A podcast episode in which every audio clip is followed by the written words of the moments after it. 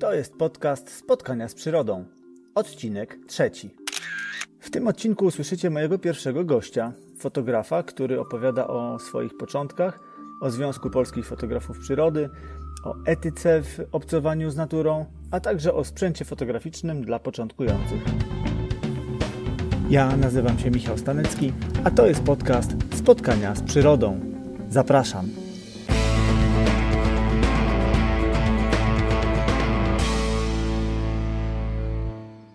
Witam Was serdecznie w trzecim odcinku mojego podcastu. Po publikacji pierwszych dwóch dostałem od Was sporo informacji zwrotnych, trochę uwag, trochę sugestii i podpowiedzi, ale przede wszystkim odebrałem dużo pozytywnych sygnałów potwierdzających zapotrzebowanie na tego typu audycje. Mam świadomość pewnych niedociągnięć i zdaję sobie sprawę, że w praktyce jest dużo trudniej wszystko od razu poukładać w idealną, spójną całość niż we wcześniejszych założeniach teoretycznych. Podjęta przeze mnie tematyka jest bardzo obszerna i pewnie dopiero z czasem wykrystalizuje się jakaś optymalna formuła odcinków. Stale pracuję nad stroną techniczną i stale uczę się nowych rzeczy. Zakładam więc optymistycznie, że z każdym kolejnym odcinkiem będzie lepiej. Tyle o tak zwanych kwestiach organizacyjno-technicznych, a teraz do rzeczy. Kalendarz przyrodnika, czyli co w trawie piszczy. Jesteśmy w połowie kwietnia. W pogodzie typowy kwiecień-plecień przez kilka dni prawie po 20 stopni, a potem szybki zjazd do zaledwie 5 i nawet kilkuminutowy opad śniegu. Tylko deszczu ciągle brakuje. Wszędzie sucho jak pieprz. Jak tak dalej pójdzie, to już niedługo trzeba będzie myśleć o dodatkowych poidłach dla zwierząt. Groźby pożarów lasów stają się niestety bardzo, bardzo realne. W naturze trwa wielki przelot i powrót ptaków na lęgowiska. Dolatują kolejne gatunki: pierwiosnki, piecuszki, kapturki, pleszki, kulczyki, dudki, podróżniczki, pliszki żółte, rycyki, brodźce śniade, załóżniki, dymówki. Widok jaskółek śmigających nad wodą to kolejny z symboli wiosny. Wśród kaczek przybywa płaskonosów i cyranek. Z naszego krajobrazu cały czas ubywa za to gatunków zimujących. Myszołowów włochatych czy łabędzi krzykliwych. Z miast już zniknęły duże stada gawronów. No i w ekspresowym tempie robi się zielono. Czas na rozmowę z moim pierwszym gościem. Pan fotograf Michał Ludwiczak. Pasjonat, terenowiec, fotograf uniwersalny. Uzależniony od pory świtu. Autor od lat nagradzany w konkursach, ceniony również za swoje diaporamy, czyli złożone pokazy zdjęć ilustrowane muzyką. Z racji doświadczenia i uznania często zapraszany do roli jurora czy prowadzącego warsztaty i prelekcje. Wreszcie sprawny organizator, od kilku lat prezes Okręgu Łódzkiego Związku Polskich Fotografów Przyrody. Przez lata Michał dał mi się poznać jako fotograf szalenie kreatywny i stale poszukujący nowego spojrzenia. Do tego spec od starych manualnych obiektywów, których, co ważne, umie używać, spinając je z ultra nowoczesnymi aparatami. Zapytałem Michała o jego początki, o Związek Polskich Fotografów Przyrody, w którym jest postacią bardzo aktywną i mocno rozpoznawalną. Spytałem także o sprzęt fotograficzny dla początkujących fotografów. Oto zapis naszej rozmowy. Zapraszam do jej wysłuchania. Cześć. Michale, Cześć. Dziękuję bardzo, że zgodziłeś się porozmawiać ze mną. Przedstaw się naszym słuchaczom i powiedz, czym się zajmujesz. Nazywam się Michał Ludwiczak i na co dzień jestem informatykiem, pracuję w biurze, natomiast e, będziemy tu rozmawiać o mojej pasji, jaką jest fotografowanie i podglądanie przyrody. A dlaczego, Michale, wybrałeś akurat fotografię przyrodniczą? To jest taka dziedzina, no nie ukrywajmy, dosyć trudna, wymagająca wielu wyrzeczeń. Albo inaczej mówiąc, jest wiele łatwiejszych dziedzin fotografii, przynajmniej potencjalnie. Dlaczego akurat fotografia przyrody? Być może właśnie dlatego, że nie jest najłatwiejsza. W zasadzie można powiedzieć, że wszystko zaczęło się pod koniec jeszcze zeszłego stulecia, co by mogło sugerować tutaj rozmowę jakichś e, starych dziadów, ale nie, nie. I pod koniec lat 90. XX wieku, kiedy byłem jeszcze na studiach, podpatrywałem mojego kolegę, który na jednym z wyjazdów wakacyjnych fotografował no, różne aspekty otaczającego świata. Nie tylko przyrodę, ale też i ludzi, i, i miejsca różne. I jakoś zaciekawiło mnie to na tyle, że żeby na kolejny wyjazd, a miał być to wyjazd w Tatry, więc takie miejsce dość ciekawe fotograficznie, pożyczyć aparat od ojca. Taką rodzinną lustrzankę Pentax ME z obiektywem 50 mm, bardzo mały, bardzo mały kompaktowy aparat. Znaczy kompaktowy ze względu na swoje gabaryty. No i pomyślałem, że spróbuję, jak to, jak to wypadnie. Spodobało mi się na tyle, że kontynuowałem później to amatorskie uwiecznianie świata, e, ale przyroda wówczas była jeszcze tylko jednym z wielu tematów. Dopiero e, po kilku latach, kiedy zaobserwowałem, że coraz częściej fotografuję tą przyrodę i coraz lepiej się w niej czuję, że chciałbym jakby skierować swoje fotograficzne kroki już tylko, e, tylko w tą stronę takim pozytywnym aspektem tego okazało się, że jest to fantastyczna ucieczka od codzienności w mieście, no bo niestety mieszkam w mieście, ale myślę sobie też, że chyba najważniejszym aspektem jest to, że mogę odkrywać coraz to nowe światy dla mnie na przykład fascynujący świat y, owadów poprzez makrofotografię, zwyczaje i zachowania ptaków, siedząc gdzieś tam w czatowni, obserwując, jak one się zachowują, jakie są interakcje między nimi, e, czy też podziwiać niesamowite widoki nisko snujących się mgieł rozświetlonych porannym słońcem. To naprawdę fantastyczne chwile, które dają mi wiele radości. Można też no, spojrzeć na to, jak wspomniałeś, że ta fotografia przyrody to jest troszkę taka lekka odmiana survivalu nawet, e, także to dodaje, dodaje trochę smaczku. Ale, ale tym, co jeszcze jest tutaj istotne, jest to, że, że można tworzyć fantastyczne, piękne obrazy, a właściwie nawet nie tyle tworzyć, co posiadając umiejętność wykorzystania odpowiednich narzędzi fotograficznych, uwieczniać te obrazy, które nam podsuwa e, przyroda. A przyroda jest chyba najpiękniejszym, co nas otacza. Tak przynajmniej mi się wydaje. Fajnie, ciekawie to wszystko brzmi. Czy Twoja droga była taka łatwa, prosta i przyjemna? Od razu wiedziałeś gdzie, co i jak? Czy, czy kształtowałeś się jako ten fotograf przyrodnik na przestrzeni e, trochę dłuższego czasu?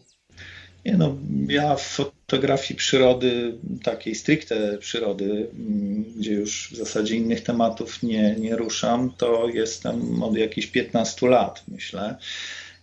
Nie była to łatwa droga, bo w zasadzie do momentu, kiedy wszedłem do Związku Polskich Fotografów Przyrody, to było takie radosne jeżdżenie gdzieś tam po lesie, oglądanie, które owszem daje sporo radości, ale no niestety oznacza pewne, pewne ograniczenia, wychodzą pewne niedostatki wiedzy przyrodniczej. Ja przyrodnikiem nie jestem, więc, więc tyle, co pamiętałem z biologii w różnego rodzaju szkołach, to mi pomagało, ale to nie jest niestety wystarczające, żeby odnosić sukcesy w fotografii przyrodniczej. Wspomniałeś o Związku Polskich Fotografów Przyrody. Pewnie w kolejnych odcinkach mojego podcastu będę nawiązywać często do działalności związku.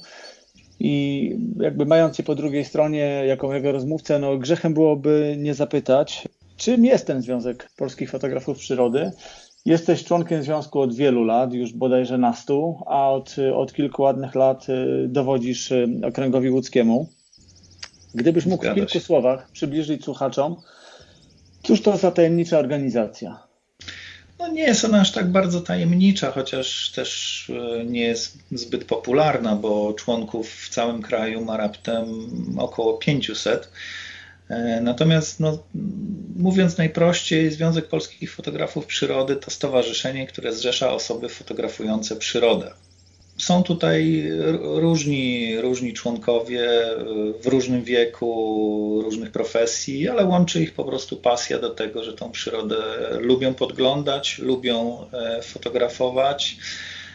Myślę, że tutaj też e, może to jest dobry moment, żeby wspomnieć o założycielu całej, ca, całego tego stowarzyszenia, ponieważ dzisiaj, no wiadomo, jakie mamy kontakty z myśliwymi, a warto wspomnieć, że założycielem Związku Polskich Fotografów Przyrody był właśnie myśliwy Leszek Sawicki, który niestety już nie żyje. Michale, kogo ta y, organizacja zrzesza? No, wspomniałeś tutaj o lu ludziach, którzy są zainteresowani generalnie postrzeganiem przyrody i takim podglądaniem właśnie za pośrednictwem y, sprzętu foto. Natomiast czy to muszą być y, profesjonalni fotografowie, zawodowcy, ludzie, nie wiem, zarabiający na, na fotografii przyrodniczej, czy jest to organizacja otwarta, stowarzyszenie otwarte w zasadzie dla każdego? Stowarzyszenie jak najbardziej otwarte dla każdego. No, tutaj ja nie lubię tego określania i kategoryzowania, że ktoś jest profesjonalnym fotografem, a ktoś jest fotografem amatorem, bo to jakby tych amatorów stygmatyzuje trochę, a, a samego znaczenia słowa amator wcale nie oznacza, że jest to osoba, która umie mniej od tego, który się mieni być profesjonalistą. Jest to po prostu osoba, która jest pasjonatem i lubi dany temat. Więc różnica dla mnie między profesjonalistą a amatorem w tym aspekcie polega jedynie na tym, że profesjonalista zarabia na, na, na fotografii jakieś pieniądze, żeby się utrzymać przy życiu, natomiast amator, pasjonat może to robić zupełnie dla, y, dla przyjemności, a kwestia umiejętności i talentu to jest coś zupełnie niezależnego od tych y, dwóch pojęć. Mm, jeśli chodzi o, o, o, umiejętności, mm, to no, oczywiście są one pożądane, ale to nie jest tak, że trzeba być e, faktycznie jakimś super fotografem, żeby móc należeć do związku. Myślę, że tutaj najważniejszym kryterium jest e, jakaś taka miłość do przyrody, potrzeba obcowania z nią i też zaangażowanie w, w sprawy związku. A fotografia może być też e, uzupełnieniem tego, ale nie musi często być na pierwszym planie. Okej, okay, czyli ktoś, kto no, ma jakiekolwiek ciągoty, powiedzmy, w stronę fotografii i przyrody, może się do, do związku zapisać. A powiedz mi, po co tak naprawdę zapisują się ludzie do związku? Co to bycie w związku daje, daje członkom? To jest pytanie, które często y, zadają mi ludzie, którzy jakby spotykają się ze związkiem gdzieś tam na swojej drodze, no i pytają, no dobrze, no ja się zapiszę, ale co ja z tego będę miał? No bo będę płacił składki, więc jakie będę miał z tego tytułu y, korzyści? Mm, no i tu można te, te korzyści, powiedzmy, y, podzielić na dwie kategorie, takie wymierne i niewymierne. No i z tych, z tych wymiernych zdecydowanie no jest to możliwość uczestnictwa w różnorakich konkursach związkowych, y, wystawach, w plenerach czy jakichś innych wydarzeniach, prezentacjach multimedialnych. Natomiast myślę, że dużo bardziej istotne dla każdego e, członka, jak już sobie troszeczkę w tym związku pobędzie i zda sobie z tego sprawę, są właśnie te niewymierne korzyści. Czyli to, że e, należymy do grupy ludzi o podobnych zainteresowaniach. To z punktu widzenia psychologii też jest e, bardzo istotne. Możemy się z tymi ludźmi wymieniać doświadczeniami, wzajemnie uczyć, pomagać sobie w terenie nakierowywać się wzajemnie na pewne tematy, inspirować, poznawać nowe miejsca, to są rzeczy, których tak naprawdę nie poznamy w internecie. Niektórzy twierdzą, że w internecie jest wszystko, natomiast y, takich informacji nie pozyskamy, jeżeli nie będziemy mieli y, do kogoś y, i wzajemnie zaufania. Tego po prostu inaczej nie zdobędziemy tej wiedzy. To do mnie przemawia. Faktycznie jest to, jest to korzyść i zdecydowanie ta ta niewymierna wydaje się tutaj taką wartością jakby ponad. No bo konkursy, rzecz jasna, wiadomo, można się sprawdzić, można się doskonalić, gdzieś nawet tak zdrowo porywalizować z innymi. Natomiast po co wyważać drzwi, które już ktoś kiedyś otworzył, prawda? Więc Dokładnie tutaj jest ta możliwość ułatwienia sobie troszkę wejścia w ten świat fotografii przyrodniczej. A, Dokładnie tak, ja jeszcze wejdę Ci w słowo, bo właśnie to, to, to jest e, jakby najbardziej tu istotne i mogę to z, całym, z całą stanowczością podkreślić, bo sam to w ten sposób odbieram i wiele właśnie z, z, takich kontaktów wyciągnąłem do tej pory i myślę, że jeszcze skorzystam. I będę mógł również swoje doświadczenia przekazać innym. To jest też bardzo ważne. A powiedz mi, jaka jest jakby idea działania związku? Jakie są? No bo są przecież jakieś założenia, są jakieś cele, więc jak to wygląda od, od tej strony? Czemu to ma służyć? Czy jeśli, jeśli poruszamy tutaj cele związku, no to możemy przytoczyć takie cele statutowe, które są wpisane jak promowanie i podnoszenie poziomu fotografii przyrodniczej, popularyzacja wiedzy przyrodniczej i ekologicznej, czy też propagowanie zasad etycznych w fotografii, o czym pewnie jeszcze za chwilę będziemy rozmawiać. E, można to podsumować, że chcemy poprzez fotografie, które prezentujemy na wystawach, pokazach, konkursach, prezentacjach różnego rodzaju uwrażliwiać ludzi na piękno przyrody, e, ale i też na zagrożenia, jakie sami stanowimy dla, dla tej przyrody jako, jako gatunek. W efekcie dążymy do tego, żeby wszyscy traktowali przyrodę z należytym szacunkiem e, i, i, jako nasze wspólne dobro, z którego się wywodzimy i którego jesteśmy nieodłączną częścią. No, niestety dzisiaj spora część ludzi postawiła siebie powyżej tej przyrody i oddzieliła się od niej, natomiast no, my chcielibyśmy to zmienić. Chcielibyśmy, żeby ludzie zrozumieli to, to, to swoje pochodzenie od, od przyrody, od natury i że to jest po prostu ważne. Czyli można powiedzieć, że Związek Polskich Fotografów Przyrody ma taką misję, co by ta fotografia przyrodnicza docierała do szerszego czy jak najszerszego grona odbiorców, żeby budować u ludzi no, taką właśnie świadomość tego, co mamy, o co musimy dbać, pokazywać tak. przede wszystkim tą naszą niesamowitą przyrodę i w ten sposób jakby uwrażliwiać, u, u, uświadamiać ludzi, że, że warto jest ją no, chociażby chronić. No zdecydowanie. Ochrona tutaj, szczególnie w dzisiejszych czasach, jest szalenie istotna. Bez tego nie będziemy mieli my pewnie jeszcze za nasze, naszego życia co oglądać, już nie mówiąc o naszych dzieciach i wnukach. Wspomniałeś tutaj o mm, promowaniu etycznego podejścia. No właśnie dzisiaj temat taki dosyć żywy, a, a zawsze trudny, bo z jednej strony dostępność sprzętu fotograficznego, no też pewnej wiedzy takiej otwartej powoduje, że y, wiele osób gdzieś poczuło y, krew i poszło w teren robią zdjęcia, a że w przyrodzie występuje wiele pokus, żeby gdzieś podejść bliżej, żeby gdzieś jednak e, zrobić jeszcze dodatkowy krok, bo ludzie chcieliby zrobić zdjęcia lepsze niż te, które już widzieli, czyli po prostu coś jeszcze, jeszcze bliżej, jeszcze precyzyjniej, dokładniej. W ten sposób e, gdzieś jest taka cienka granica, którą łatwo przekroczyć i jakby podążając za tymi pokusami można po prostu nabroić, można rozrabiać i tej przyrodzie zaszkodzić. Jakie można powiedzieć, że taka pazerność fotograficzna. Wręcz, wręcz, bo Y, no, wiem, że od pewnego y, czasu związek jakby dosyć mocno akcentuje to swoje stanowisko i mógłbyś teraz je przybliżyć, żeby też y, jasno dać do zrozumienia naszym słuchaczom, że są fotografowie przyrody i fotografowie przyrody. Są ludzie, którzy nie zawsze kierują się takim właściwym podejściem, ale nie można wrzucać wszystkich do jednego garnka i trzeba wiedzieć, że są ludzie świadomi, którzy wręcz zabiegają, dbają o budowanie właśnie tej świadomości i odpowiedniego podejścia. Zdecydowanie. To jest tak jak w każdej grupie ludzi są ludzie normalni i są też czarnoowce. Także no, tutaj fotografowie nie różnią się szczególnie od wszystkich innych grup. Natomiast wracając do tematu etyki, no to jest to w tym momencie jeden z bardziej istotnych aspektów fotografii przyrodniczej. Jak już wspomniałem, jest on przytoczony także w celach statutowych, co, co podkreśla rangę, jaką czy też wagę, jaką związek przywiązuje do tego tematu. E, można powiedzieć, że chodzi o taką zasadę dość podobną do tego, co jest główną zasadą medycyny, czyli po pierwsze nie szkodzić i my staramy się promować takie, takie postawy. E, nasze fotografie nie powinno wywierać żadnego negatywnego wpływu na środowisko, na fotografowane rośliny i zwierzęta.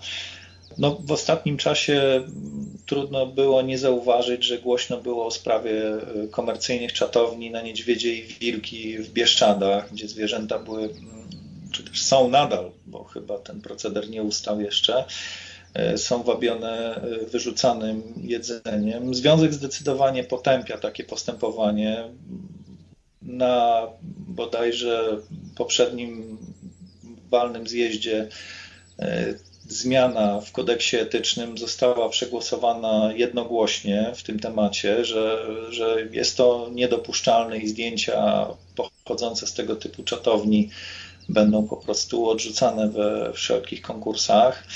E, a jest to negatywne jeszcze z tego powodu, że zmienia zachowania tych zwierząt i może niestety w przyszłości doprowadzić do konfliktu na linii zwierzę-człowiek. Te zwierzęta się przyzwyczajają do do, do człowieka, do jego zapachu, do tego, że są dokarmiane i kolejne pokolenia po prostu nie będą miały tych naturalnych instynktów, tylko będą podchodziły do, do ludzi, do siedzib ludzkich i po prostu będzie z tym coraz większy problem. Dlatego nie można stawiać zdjęć ponad dobrem przyrody. To jest po prostu nieakceptowalne. Jasne. Tutaj stawiamy kropkę. Myślę, że temat jest y, dosyć, dosyć jasno wy, wyłożony. Korzystając z okazji, że, e, że mam możliwość rozmawiać z Tobą, e, chciałem zapytać o kwestie sprzętowe, ponieważ no, znamy się już ładnych parę lat i, i ja y, znam Ciebie jako człowieka, który jest no, szalenie kreatywny w swoim podejściu do fotografii y, przyrodniczej. I z jednej strony można powiedzieć, że idziesz za nowinkami, bo, bo no, jako jeden z pierwszych porzuciłeś klasyczną lustrzankę na korzyść, na korzyść aparatu bez lustra.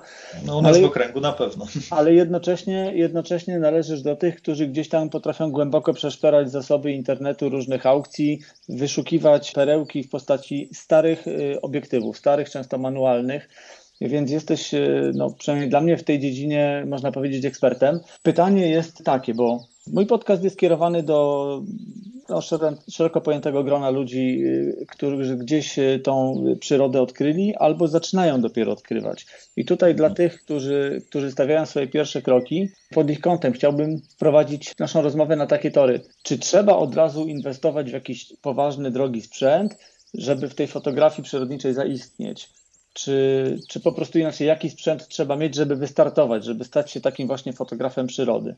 Znaczy ja myślę, że to wszystko zależy od tego, jaki rodzaj fotografii chcemy uprawiać, e, no bo generalnie można przyjąć zasadę, że w zasadzie każdy sprzęt fotograficzny sprawdzi, sprawdzi się równie dobrze. Natomiast. Wejdę ci słowo, przepraszam. Tak? Zakładam, że ktoś, kto naprawdę stawia swoje pierwsze kroki, to on jeszcze nie wie, w jakiej e, no więc... dziedzinie fotografii przyrodniczej się odnajdzie. On będzie pewnie no próbować. No więc właśnie. No więc właśnie, to jest to, co ja zawsze doradzam, jeżeli y, jakiś fotoamator, który stawia swoje pierwsze kroki, mówi, że on musi kupić sobie taki taki sprzęt, jakąś tam właśnie drogą lustrzankę, czy, czy jeszcze jakiś inny y, nietani y, aparat.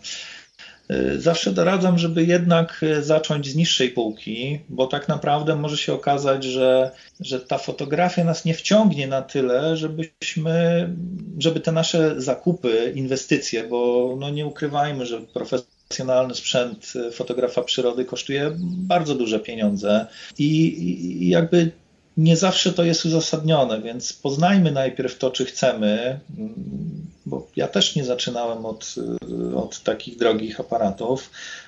Tak jak e, chyba wspomniałem na początku, moja, moja droga była dość ogólna na początku. Przez pierwsze mniej więcej 5 lat fotografowałem wszystko jak leci. Dopiero po jakimś czasie okazało się, że ta fotografia przyrody mnie wciąga. Więc tutaj warto też pomyśleć o tym, żeby, e, żeby się najpierw sprawdzić samemu ze sobą, czy coś nam pasuje, czy nam nie pasuje, jakie tematy, bo jeżeli na przykład e, będą nas pasjonowały krajobrazy, to dzisiejsze smartfony bardzo dobrze się z tym tematem mogą zmierzyć.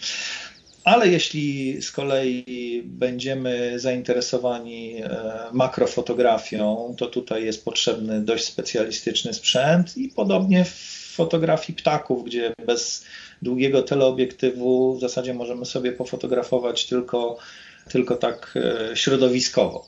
Nie mówię, że takie no, zdjęcia są że... złe, bo, bo sam lubię takie zdjęcia, natomiast e, no, w przypadku takich tematów jak ptaki, e, warto jednak sobie te zdjęcia troszkę urozmaicać, fotografować zarówno portrety, jak i właśnie szersze widoki, środowisko i tak dalej. Próbuję się wtrącić, żeby jeszcze y, zaakcentować jedną rzecz. Że wspomniałeś o tym, że do makrofotografii czy do fotografii ptaków już jednak ten sprzęt y, bardziej profesjonalny będzie konieczny.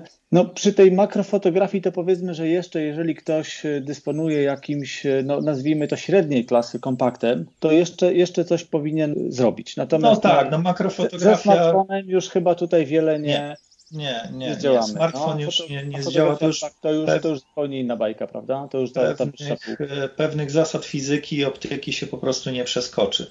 Natomiast tutaj warto jeszcze zwrócić uwagę na jeden aspekt, bo y, my rozmawiamy o fotografii, więc mówimy tu o aparatach, obiektywach.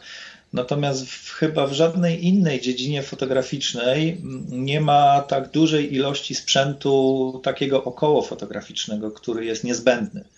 Bo y, gdy idziemy w teren, musimy pamiętać o odpowiednim stroju, który musi być y, odporny na zniszczenie przede wszystkim.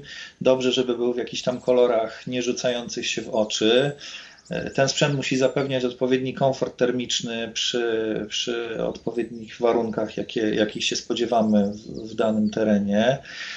Musimy pamiętać o odpowiednich butach, bo też często wiąże się to z bardzo długimi spacerami. Sam zresztą wiesz, bo wiele naście kilometrów potrafisz zrobić za jednym razem, więc bez dobrych butów no byłoby to po prostu niemożlive. A w butach dobrze mieć sucho. A w butach dobrze mieć sucho, więc na przykład tu mogę taki, takie swoje doświadczenie podpowiedzieć, że ja bardzo lubię lekkie kalosze z pianki, które na nie, nie, może nie takie wielokilometrowe spacery są dobre, ale bardzo często na takie nie za długie wyjścia w teren bardzo fajnie się sprawdzają i też izolują trochę nogi od kleszczy, których w tym roku też już się pojawiło sporo. No i tak, fotografowie przyrody bardzo często korzystają z wyposażenia militarnego. Mm, niektórzy nie, nie, zajmujący się tą dziedziną fotografii troszeczkę się czasami z tego podśmiewają, e, ale niesłusznie, bo podstawową zaletą, a właściwie dwiema zaletami tego rodzaju ubrań jest to, że po pierwsze są one bardzo wytrzymałe, a po drugie są dużo tańsze niż, y, niż, niż te ciuchy, które byśmy chcieli kupić z dedykacją dla fotografii czy myślistwa. Y, no i, i, też, skoro wspomniałem już w aspekcie tych kaloszy o, o, kleszczach, no to też do wyposażenia fotografa przyrody należy repelent na, na owady, niestety. No tutaj też y, jakby na bazie własnego doświadczenia no muszę się z Tobą zgodzić całkowicie przy tych y, wyprawach y, poza miasto no, trzeba brać poprawkę na zdecydowanie na ciuchy, na buty, latem też czasami na jakieś nakrycie głowy i, i, i, tego typu historie. Natomiast jeszcze jeden ukłon w stronę tych zupełnie początkujących, bo zakładam, że no, naszymi słuchaczami mogą być ludzie, którzy złapali inspirację i być może na samym starcie no, nie mają takiej możliwości, żeby od razu y, hulać gdzieś poza, poza miastem, ale mają możliwość na przykład wyprawić się na drugą stronę ulicy czy trzy przecznice dalej do miejskiego parku, a wiemy, że park potrafi być dla fotografa przyrodnika niezłym poligonem doświadczalnym, niezłym miejscem na, na warsztaty i szkolenia. Jeżeli jest to jeszcze park, w którym mamy jakiś akwen wodny, kawałek stawu, to jest to już y, naprawdę fajna rzecz, bo tam, gdzie woda, tam więcej życia zwykle, więc jest szansa, że jakieś płazy i ptaki y, wodne. Więc y, no, tutaj powiedzmy, że wystarczy iść w jeansach i, i w polarze, prawda? Tutaj nie trzeba się no, ani tutaj, maskować, ani tutaj kombinować. tak. Nawet maskowanie byłoby chyba niewskazane, bo wzbudzałoby e, niepotrzebne, niezdrowe zainteresowanie całego otoczenia, więc może faktycznie lepiej w tych okolicznościach. Aczkolwiek trzeba brać poprawkę na to, że sytuacja może wymagać tego, że trzeba będzie przyklęknąć, a może nawet się położyć. Że to tak, jest że fotograf przyrody gdzieś tam się potrafi ulokować na, na glebie i z, szukając po prostu dobrej, niskiej perspektywy fotografować z takiej pozycji, więc jakby tutaj no, trzeba mieć to też, y, trzeba to też brać pod uwagę. Dobrze, w takim razie, w takim razie coś, już, coś już wiemy. Wspomniałem o tym, że wyszukujesz takie perełki w postaci starych obiektywów. No dzisiaj jest e, taka fajna możliwość techniczna, że za niewielką e, kasę, bo tutaj naprawdę nie mówimy o jakichś setkach złotych, czasami to są naprawdę za, za kilkadziesiąt, e, kilkadziesiąt złotych można kupić po prostu przejściówkę, która pozwala zamontować stary manualny obiektyw no praktycznie do każdego nowoczesnego korpusu, bez względu na to, jakiej marki sprzętu używamy. Czyli można jeszcze tak. jakby konfigurować ten sprzęt w pewnej dowolności, czyli przypiąć sobie stary, przykładowo radziecki obiektyw do ultranowoczesnego japońskiego korpusu. No, no zdecydowanie tak. Kombinacja. No, jesteś mistrzem w tej działce, więc powiedz mi tutaj w trzech słowach, jak to, jak to właśnie jest takim sprzętem y, kombinowanym, tak bym powiedział. No, ja wiem, czy mistrzem. No, faktem jest, że troszkę doświadczeń już przez, przez te lata e, zebrałem. I trochę gadżetów zbierałeś. Trochę gadżetów też. A jeszcze tak, więcej ostatnio. testowałeś.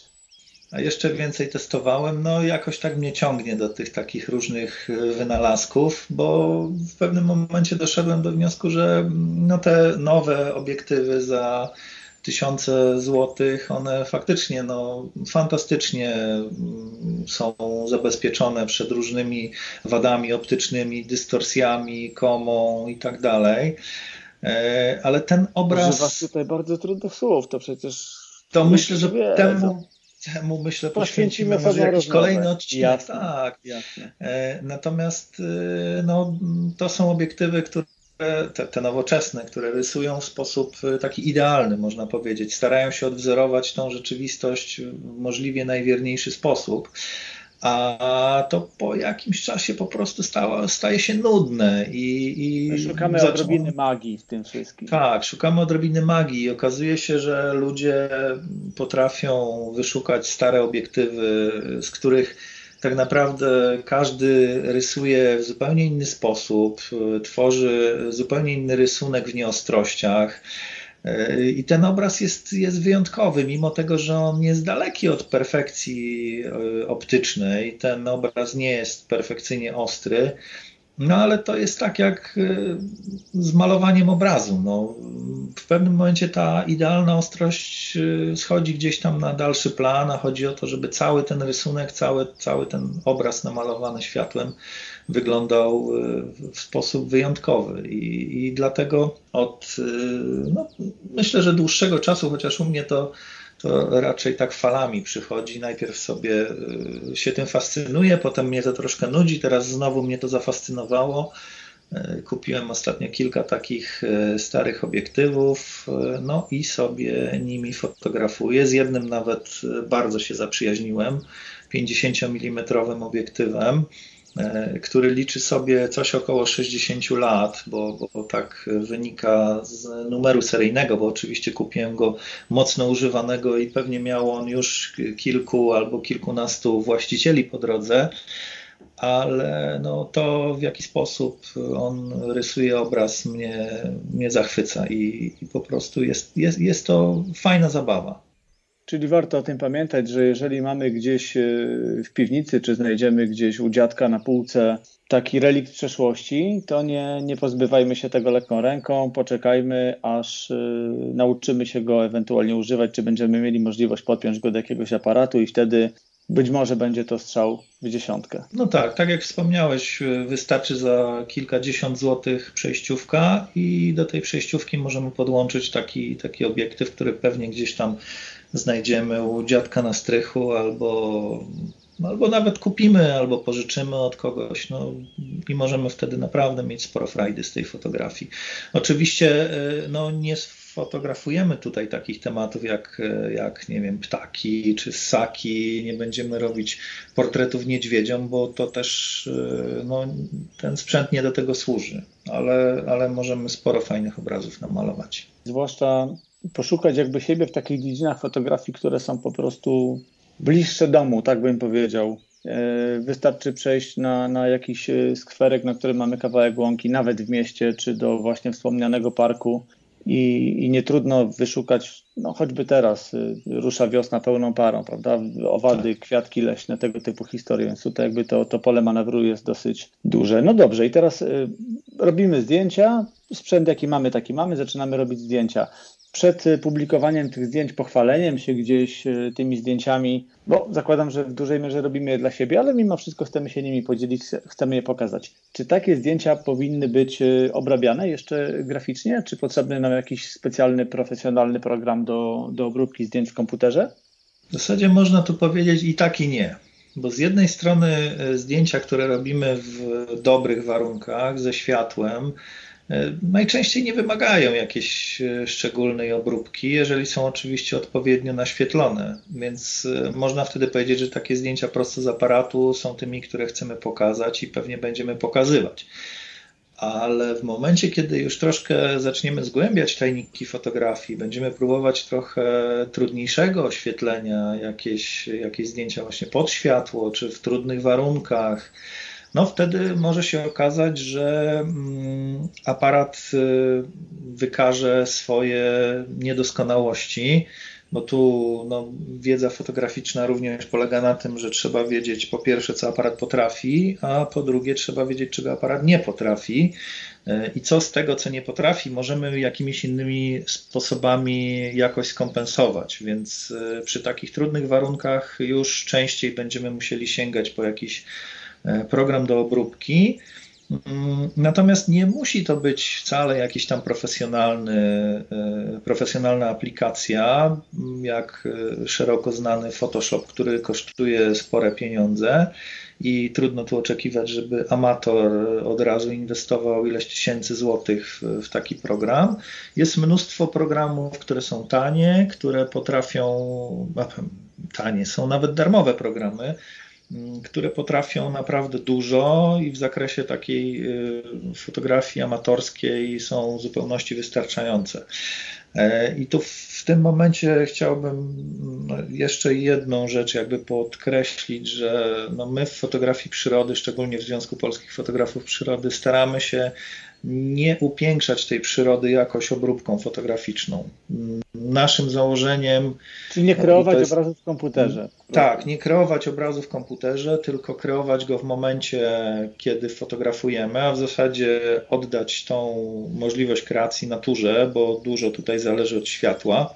A potem w komputerze po prostu pomagać temu obrazowi y, y, dojść do takiego mm, stanu, w jakim go widzieliśmy w momencie naciskania spustu aparatu. Czyli fotograf przyrody nie jest grafikiem, który, który gdzieś tam tworzy te obrazy w komputerze. Natomiast znowu, zwłaszcza ten początkujący, być może będzie miał tutaj pewnego rodzaju ułatwienie, żeby, no powiedzmy, lekko nareperować to, czego jeszcze się nie nauczył y, korygować bezpośrednio podczas robienia zdjęcia. Trochę wyprostuje horyzont, gdzieś tam troszkę to zdjęcie przytnie, bo być no może tak. gdzieś coś z boku weszło w kadry, co, co y, nie do końca powinno tam być, więc jakby takie najprostsze y, korekty no, mogą być tutaj nieodzowne i do tego faktycznie jakiś prosty program by się, by się przydał. Okej, okay. no to co, pozwolę sobie na takie lekkie podsumowanie. Czyli człowiek, który y, łapie taką wspomnianą inspirację i, i, i, chce wyjść do tej przyrody, a w zasadzie wejść nawet w przyrodę, bo tak można, można to określić, no to poza tym, że pojawia się ta motywacja i taka świadomość i chęć, że to jest ten moment i, i trzeba wyjść z domu z takim no, przekonaniem, że wychodzimy w takim konkretnym celu, bo to, to, to nie jest taki zwykły spacer, to jest taki spacer, gdzie ta nasza cała uważność jest ukierunkowana na dostrzeganie pewnych rzeczy. Mhm. I teraz, gdy już wychodzimy, no to tak jak wspomnieliśmy, no na początek naprawdę nie trzeba ani specjalistycznych ciuchów, po prostu wygodne, nie wiem, żeby nas nie przewiało, nie zmoczyło, do tego dobre buty. Wystarczy spacer po parku z aparatem, który być może mamy pod ręką, albo jakaś nieduża inwestycja na start, ale bez szaleństwa. I już, no to wej, wejdę, wejdę. już się jest y, przyrodnikiem, już jest fotografem przyrody. Dlatego wejdę Ci w słowo, bo jeszcze taka jedna refleksja mi się tutaj nasuwa, że. Mm, w fotografowaniu przyrody wcale nie umiejętności fotograficzne są największym wyzwaniem, a tak naprawdę znalezienie czasu e, na, na uprawianie tej fotografii i bardzo duża doza samozaparcia e, i jakiejś takiej wewnętrznej potrzeby znajdowania się w terenie. Bo jeśli tego nie ma, to najlepszy sprzęt i najlepsze umiejętności fotograficzne w niczym nam nie pomogą. Fotografia przyrody nie stanie się naszą pasją wtedy. Czyli trzeba poczuć po prostu takie wezwanie, taki zew. Taki zew, tak. Bo nie, nie nauczymy się i nie o to też przecież w tym chodzi, żeby, no nie wiem. Nic na siłę. Dokładnie, ustalić sobie jakąś częstotliwość, że ja będę chodził teraz y, do, do, do parku czy lasu i fotografował dwa razy w tygodniu po dwie godziny. Trzeba to po prostu poczuć i jak wejdzie to w krew, to wtedy no to się już potoczy dalej samo, bo ta przyroda myślę, że każdego z nas jest w stanie odpowiednio pociągnąć i poprowadzić. I kto znaczy, ma tego fotograf, kto ma to fotograf... po prostu połknąć, ten połknie i pójdzie już potem szukając swojej drogi. Fotograf przyrody powinien chyba mieć w sobie trochę taką żyłkę odkrywcy, myślę, bo, bo bardzo często ja przynajmniej ze swojego doświadczenia wiem, że że wielu rzeczy, wielu zjawisk, wielu zachowań zwierząt nie byłem świadom, jak, jak wchodziłem dopiero w tą fotografię przyrody. I jakbym porównał na przykład mój poziom tego, ile gatunków ptaków jestem w stanie rozpoznać na początku mojej drogi i ile w tej chwili, mimo tego, że wcale nie douczam się jakoś, nie chodzę na kursy, i nawet nie za bardzo doczytuję, tylko jakby moja wiedza wynika z obserwacji i, i ze sprawdzania mm, pewnych, e, pewnych nazw gatunków tych ptaków, które już dostrzegłem, to, to jakby te, te, te te dwie liczby są zupełnie nieporównywalne i, i, to jest też jakaś taka wartość, myślę, fajna tej fotografii przyrody, że to nas e, ubogaca i rozwija. Ładnie powiedziane. Michał, bardzo dziękuję Ci za tę rozmowę. Cieszę się, że mogliśmy dzisiaj pogadać. Będę chciał y, zapraszać Cię częściej, bo no po prostu fajnie jest wykorzystać Twoje doświadczenie, Twoje specyficzne podejście.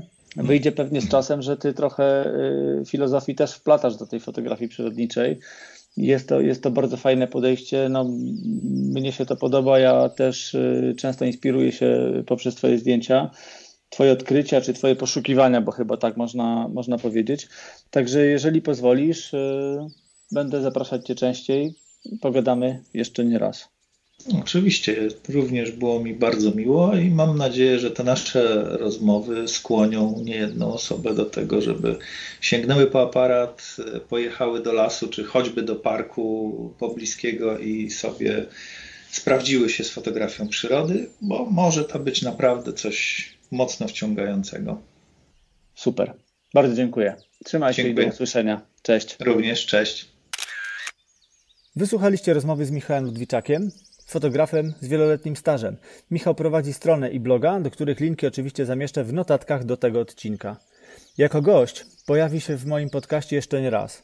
Dobrze jest móc wykorzystać jego chęć dzielenia się rozległą wiedzą i dużym doświadczeniem.